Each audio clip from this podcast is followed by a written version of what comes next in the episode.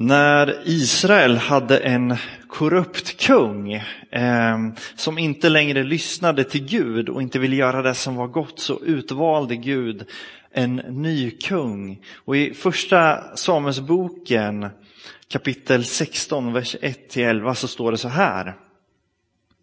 Herren sa till Samuel, hur länge tänker du gråta över Saul? Jag har ju förkastat honom han ska inte längre vara kung över Israel. Fyll ditt smörjhorn med olja och ta det med dig. Jag sänder dig till Isai i Betlehem, ty jag har utsett en av hans söner till kung. Samuel svarade, nej, dit kan jag inte gå. Fick Saul reda på det skulle han döda mig. Men Herren sa, ta med dig en kviga och säg att du kommer för att offra till Herren. Bjud så en Isai till offerfesten sedan låter jag dig veta vad du ska göra. Den som jag utpekar ska du smörja åt mig.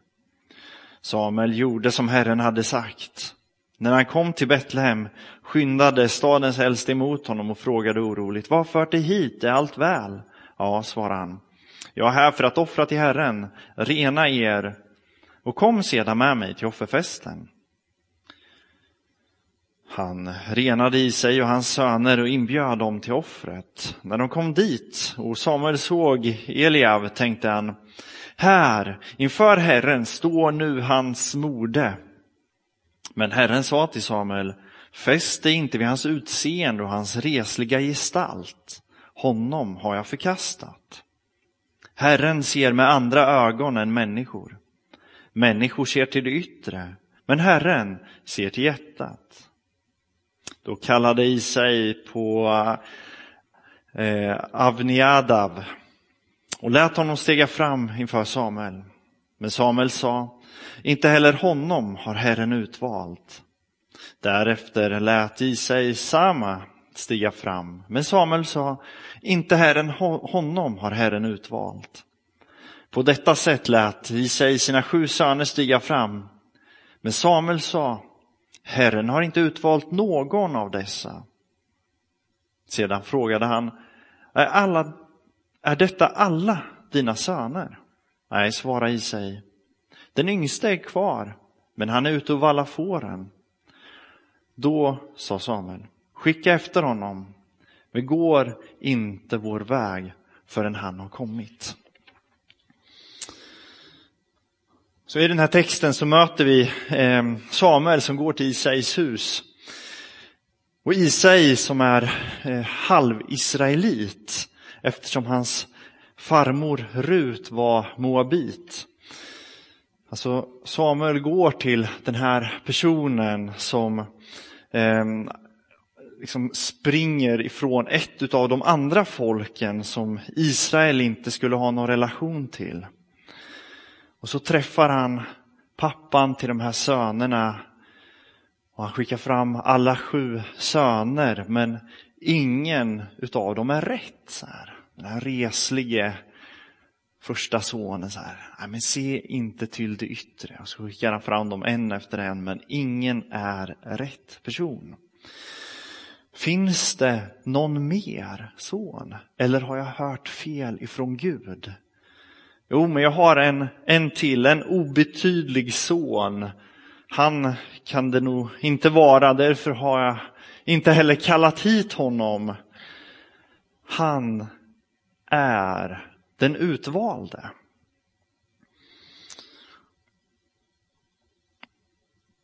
Det här året som ligger framför oss, det här läsåret som sätter igång nu, tror jag kommer att handla mycket om att bygga andligt självförtroende. Jag tror att många av oss har erfarenheter som gör att vi inte tror mer om oss själva. Eh, vi håller oss till det som vi är bekväma med, det som, som vi kan. Eh, men där ingen ser saker i oss, där vi själva inte ser saker i oss, där ser Gud stora gudsmän, stora gudskvinnor. Jag tror att vi alla känner igen oss i David, den åttonde sonen. Sonen som fadern inte förväntar sig någonting av. Eh, han är Guds utvalde. Och jag tror att det här är helt avgörande för, för våran framtid som församling. Om vi tillåter oss att upptäcka Guds tankar för oss. Saul missköter sig och Gud utväljer David. Och man kan fundera på vad är det som gör David utvald? Vad är det som gör att han kvalificerar för att vara Guds utvalde?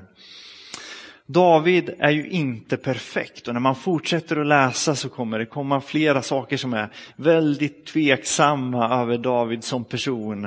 Eh, David är ju inte kanske där man tänker sig att den utvalde ska vara. Eh,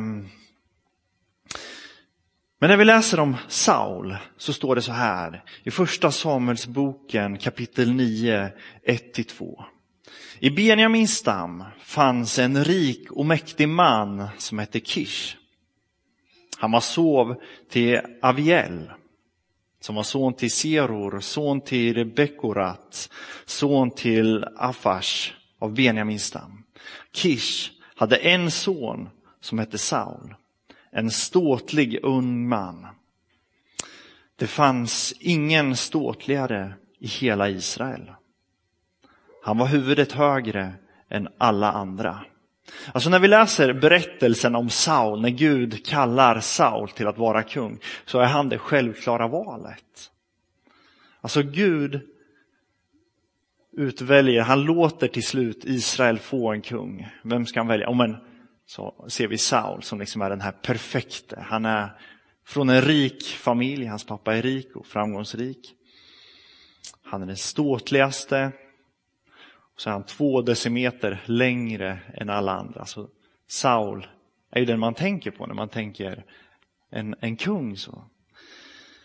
David är inte den personen. Alltså när Gud utväljer David så vågar fadern inte ens skicka efter honom för att om Gud vill någonting med min familj så har det ingenting med David att göra. Han kan, han kan vakta fåren, så kallar jag mina, mina sju söner. Så här. Um,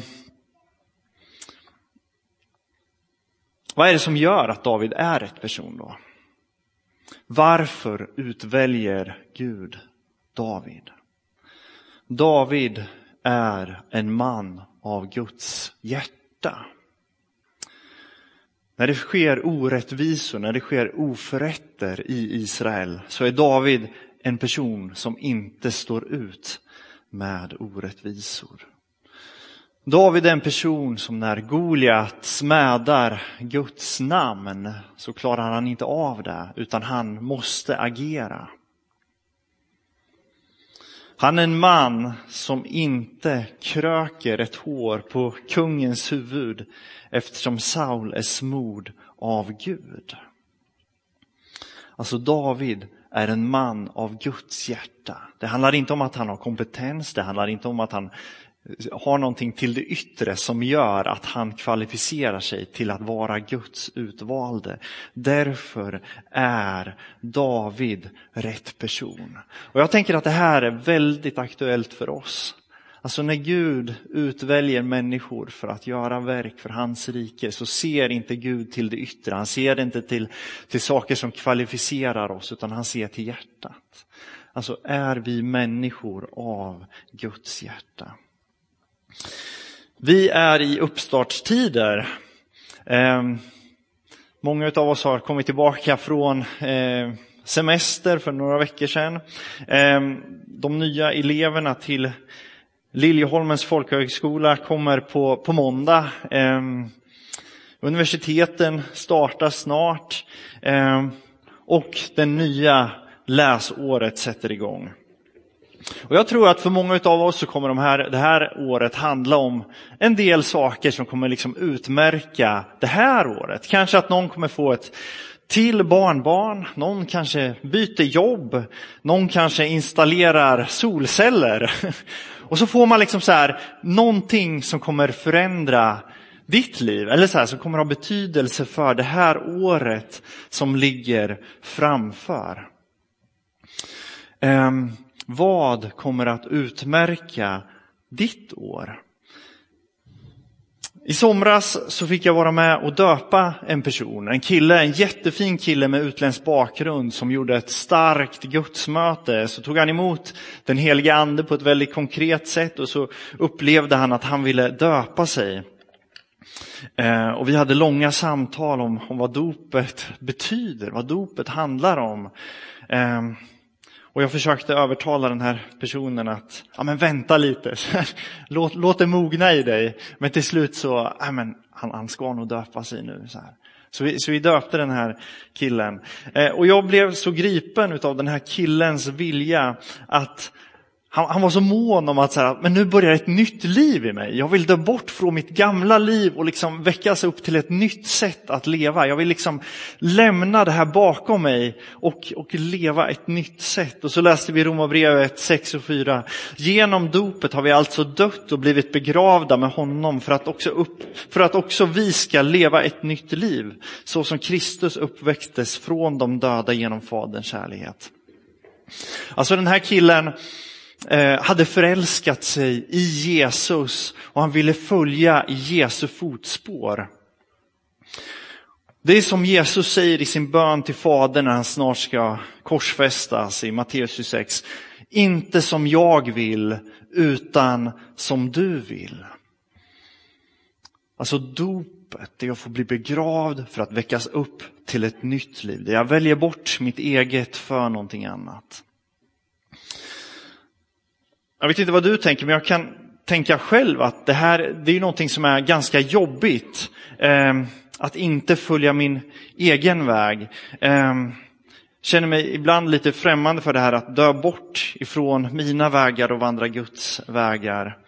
Eh, men den här personen var så förälskad i Jesus. Det här var liksom ah, det här vill jag göra. Om, om det finns något sätt jag kan liksom, uttrycka det här och, och ännu mer ta del av det Jesus har för mig så vill jag gå den vägen. Um, Alltså jag blev gripen av hans förälskelse i Jesus, där han hittade i, i den här erfarenheten när han tog emot frälsning och när han, när han eh, tog emot anden i sitt liv. Hur hittar vi dit? Ehm, jag kan ofta känna att det, det, kan vara skönt att gå sina egna vägar. Ehm, jag pratade med en, en vän härom, häromdagen om just det här med, med köpbegär. Det är så märkligt med köpbegär. Man kan, man kan liksom intressera för, sig för en, en pryl så att den här prylen blir så viktig för mig. Så här, vi pratar om eh, sportklockor. Så här, att jag, jag läser på allt om sportklockor och sen så här under några veckor så bara intresserar jag mig och kollar på jättemånga filmklipp utav så här olika hur man använder och hur viktigt det kan vara. Och alla funktioner och hur de funkar. Och sen så köper jag den här produkten då för massa pengar. Och sen inser jag efter, efter ett tag, va, just det, det är bara en klocka. Alltså det är så märkligt hur så här, saker kan bli så, så viktiga för oss. Eller vi känner så att bara jag får den här saken så kommer det liksom förändra mitt liv. Och så köper jag den här grejen så bara, just det, det, det var en klocka jag köpte. Um,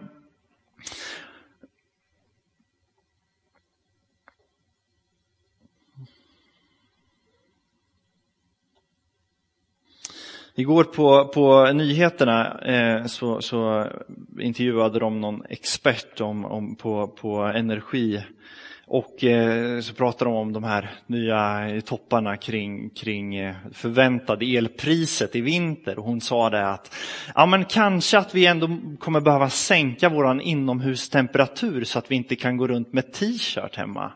Så här. Och så säger hon, för det har vi aldrig gjort i historien förrän nu. Så här. Och jag kände direkt så här, gå runt i, inte gå runt i t-shirt hemma, så här, ska man ha så här 18 grader? Och sen slås man av så här, ja men just det, det kanske inte så här, ska man ha 22 grader hemma så här? Behöver man ha det? Så det, det, är märkligt hur så här, saker kan bli så viktiga för oss. Um, Jag tror att vi kan känna igen oss att i vissa skeden i livet så har det varit väldigt lätt att avstå ifrån allt. Så här. Jag vill döpa mig, jag vill lämna det här bakom mig. Så här. Ja, men mina pengar, det är inte så viktigt för mig. Nu har jag någon som behöver pengar. Ja, men det är klart jag välsignar den med pengar. Eller så här.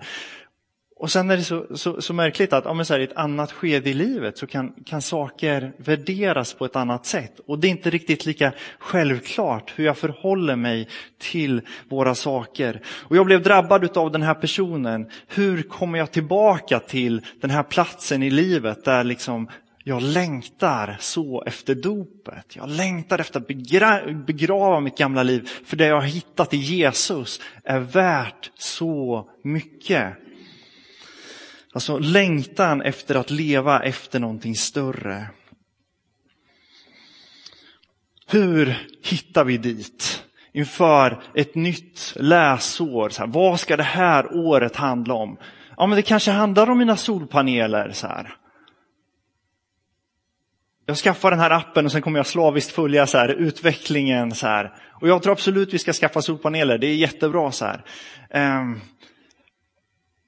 men tänk att bli drabbad av Jesus. Tänk om vi skulle få bli drabbade av ah, det är det här livet handlar om. Jag tror inte att vi kommer dit genom att gå ytterligare en kurs eller läsa en bok. Jag tror inte det handlar om att du ska vara med i en tillverksamhet för att hitta dit. Och jag tror inte ens det handlar om att du ska sätta upp höga ideal för din egen bibelläsning eller bön för året som ligger framför. Utan jag tror att berättelsen om David är en nyckel. Alltså vad är nyckeln? Jo men att någonstans ha ett hjärta som är Guds tillvänt. Ett hjärta som är öppet för Gud. Ett villigt hjärta.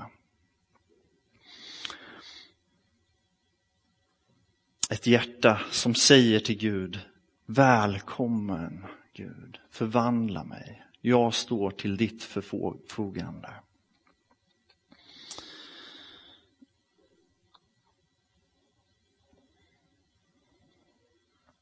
Hur börjar man ett nytt läsår? Jag tror att väldigt mycket i våra liv handlar om våra hjärtan. Vart har vi våra hjärtan? Vad låter jag mitt liv handla om? Upplyft ditt hjärta till Jesus. Och då kanske någon tänker så här att Fredrik, det där har jag gjort i 50 år. Ehm, och jag tror att, att, att så är det. Men det här är liksom, det här är kärnan i den kristna tron, tänker jag. Så här, att men att leva med ett hjärta som är gudstillvänt. Och det ser ut på olika sätt i olika skeden av livet. Men att hela tiden vilja vända sitt hjärta till Gud. Att varje dag vilja leva i sitt dop. Det är vad som utmärker David. Så David som inte är perfekt, men som när han gör fel omvänder sig. Och här är berättelsen om David och Batseba ett bra exempel där han begår en stor synd.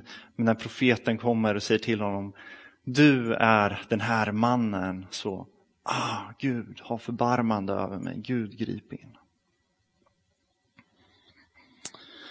I Bibeln finns det en man som hatar Guds folk, kanske mer än alla andra. Och det är Haman. Haman har blivit förolämpad utav Mordokaj som inte har bugat inför honom. Mordokaj är jude och Haman är en av de högsta personerna i persiska riket, i Persien. Och eftersom han kränks utav Mordokaj så bestämmer Haman att alla från hans folk ska dödas. Alla judar ska avrättas. Och han sätter upp en tid och en datum och en ordning för det här. Och så går det ut en, en, en bestämmelse om att alla judar ska avrättas. Vad gör Gud? Gud kallar Ester. Ester blir drottning. Och hon hamnar på en position där hon har möjlighet att ha betydelse i den här situationen som är. Men så velar hon och funderar på, ska jag verkligen sätta mitt liv på spel för att påverka den här situationen? Och så står det i Ester kapitel 4 om hur hennes styrfar Mordokaj känner igen Guds kallelse över hennes liv. Och så står det i Ester 4, 13-14. Tro inte att du ensam bland alla judar ska komma undan bara därför att du bor i kungens hus. Tiger du i detta ögonblick kommer befrielse och räddning för judarna från något annat håll. Men du och din fars familj ska gå under. Kanske var det för en stund som denna som du blev drottning.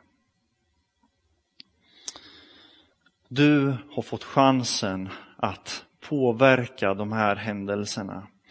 Om du inte griper in så kommer Gud gripa in. Men kanske var det för just den här situationen som Gud har gjort dig till drottning. Och kanske är det just för den här tiden, för de utmaningar som finns i världen just nu, som Gud har satt dig där du är. I Rimforsa, eller där du bor, bland dina vänner, på ditt jobb. Och jag tror att vi startar upp eh, det här läsåret med en förväntan på att Gud faktiskt har en tanke med våra liv. Gud har inte bara eh, mött oss en gång och sen så, så lunkar livet på. Utan nu startar ett nytt läsår. Och kanske är du där du är just av en anledning för det här läsåret. Gud har mer för dig. I en annan tid så har folket vänt sig bort ifrån Guds vägar. De bedriver incest, de har sex med sina egna barn.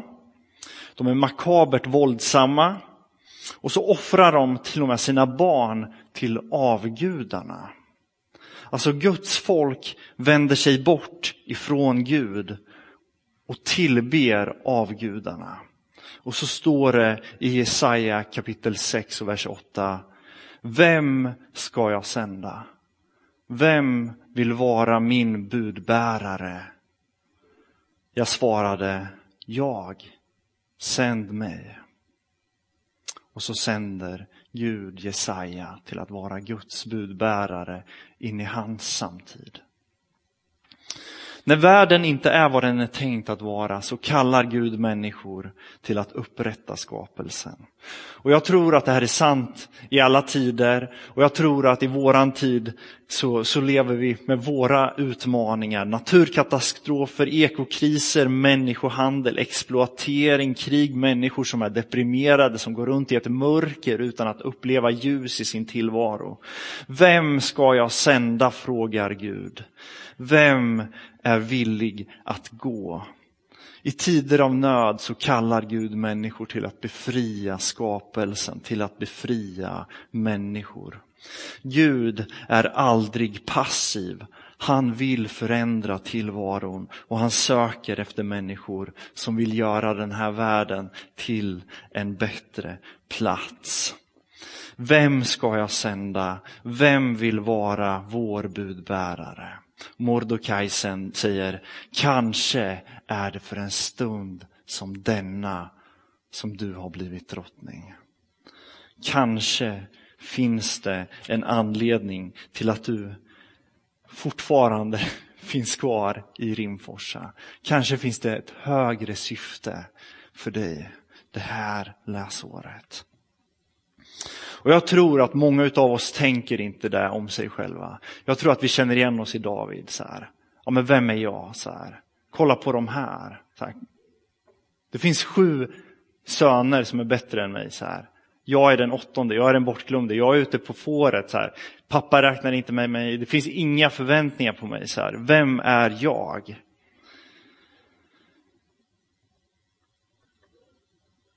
Och det är den personen som är den rätta för att den personen har ett hjärta enligt Guds hjärta.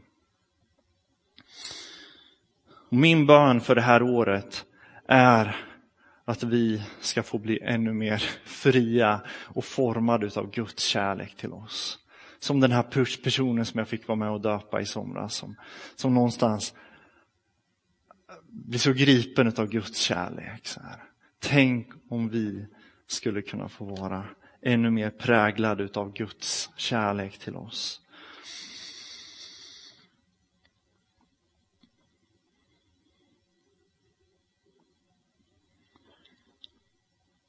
Det här året kommer att handla om, ehm, den här terminen kommer att handla om bland annat om evangeliet. Vad är evangeliet? Hur lever vi i evangeliet? Hur tar vi emot evangeliet? Hur kan vi få vara bärare av evangelium i Rimforsa?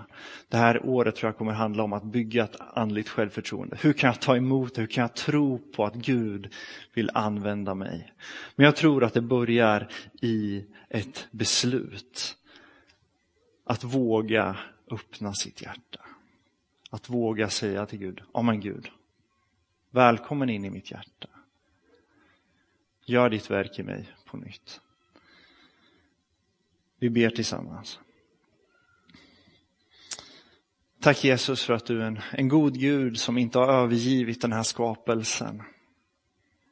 Tack Jesus för att du är en god Gud med hopp för våran tid och för människor i våran närhet. Du ser att vi kanske många gånger har eh, varit brinnande och eh, upplevt starka saker men att vi allt för ofta eh, kan tappa den nöden för våran samvaro, tappa hopp och tro. Och Jesus, jag ber att du ska få väcka förväntan i oss. Förväntan i att du har mer för vårat sammanhang. Jag ber att du ska få väcka en förälskelse i oss efter dig, Herre. Vi ber om det. Vi ber Jesus att det här året ska få vara ett år när vi får göra många bra saker, när vi får bli kanske eh, farfar och farmor för tredje gången eller när vi får skaffa solceller eller när vi får kanske se våra barn börja i skolan eller vad det kan vara, Herre. Men vi ber att någonting som ska få utmärka det här året är att du på nytt kom nära oss, Herre. Vi ber om det. Vi ber att det här ska få vara ett år som har betydelse för våra liv framåt, Herre. För att du möter med oss. Så vi ber, Herre, att vi ska få öppna våra hjärtan och möta dig det här året. Att du ska få fylla våra liv med Guds tillvändhet och hopp för det sammanhang som vi finns i. Du ser de av oss som känner igen oss i David. Eh, vem är jag? Tack Gud för att du möter David. Tack Gud för att du möter oss. Jag ber att du ska få komma med en ny förväntan på att du vill använda oss också i de situationer där du finns. För du har mer för den här världen, Herre. Vi ber att vi ska få vara med i det som du vill göra.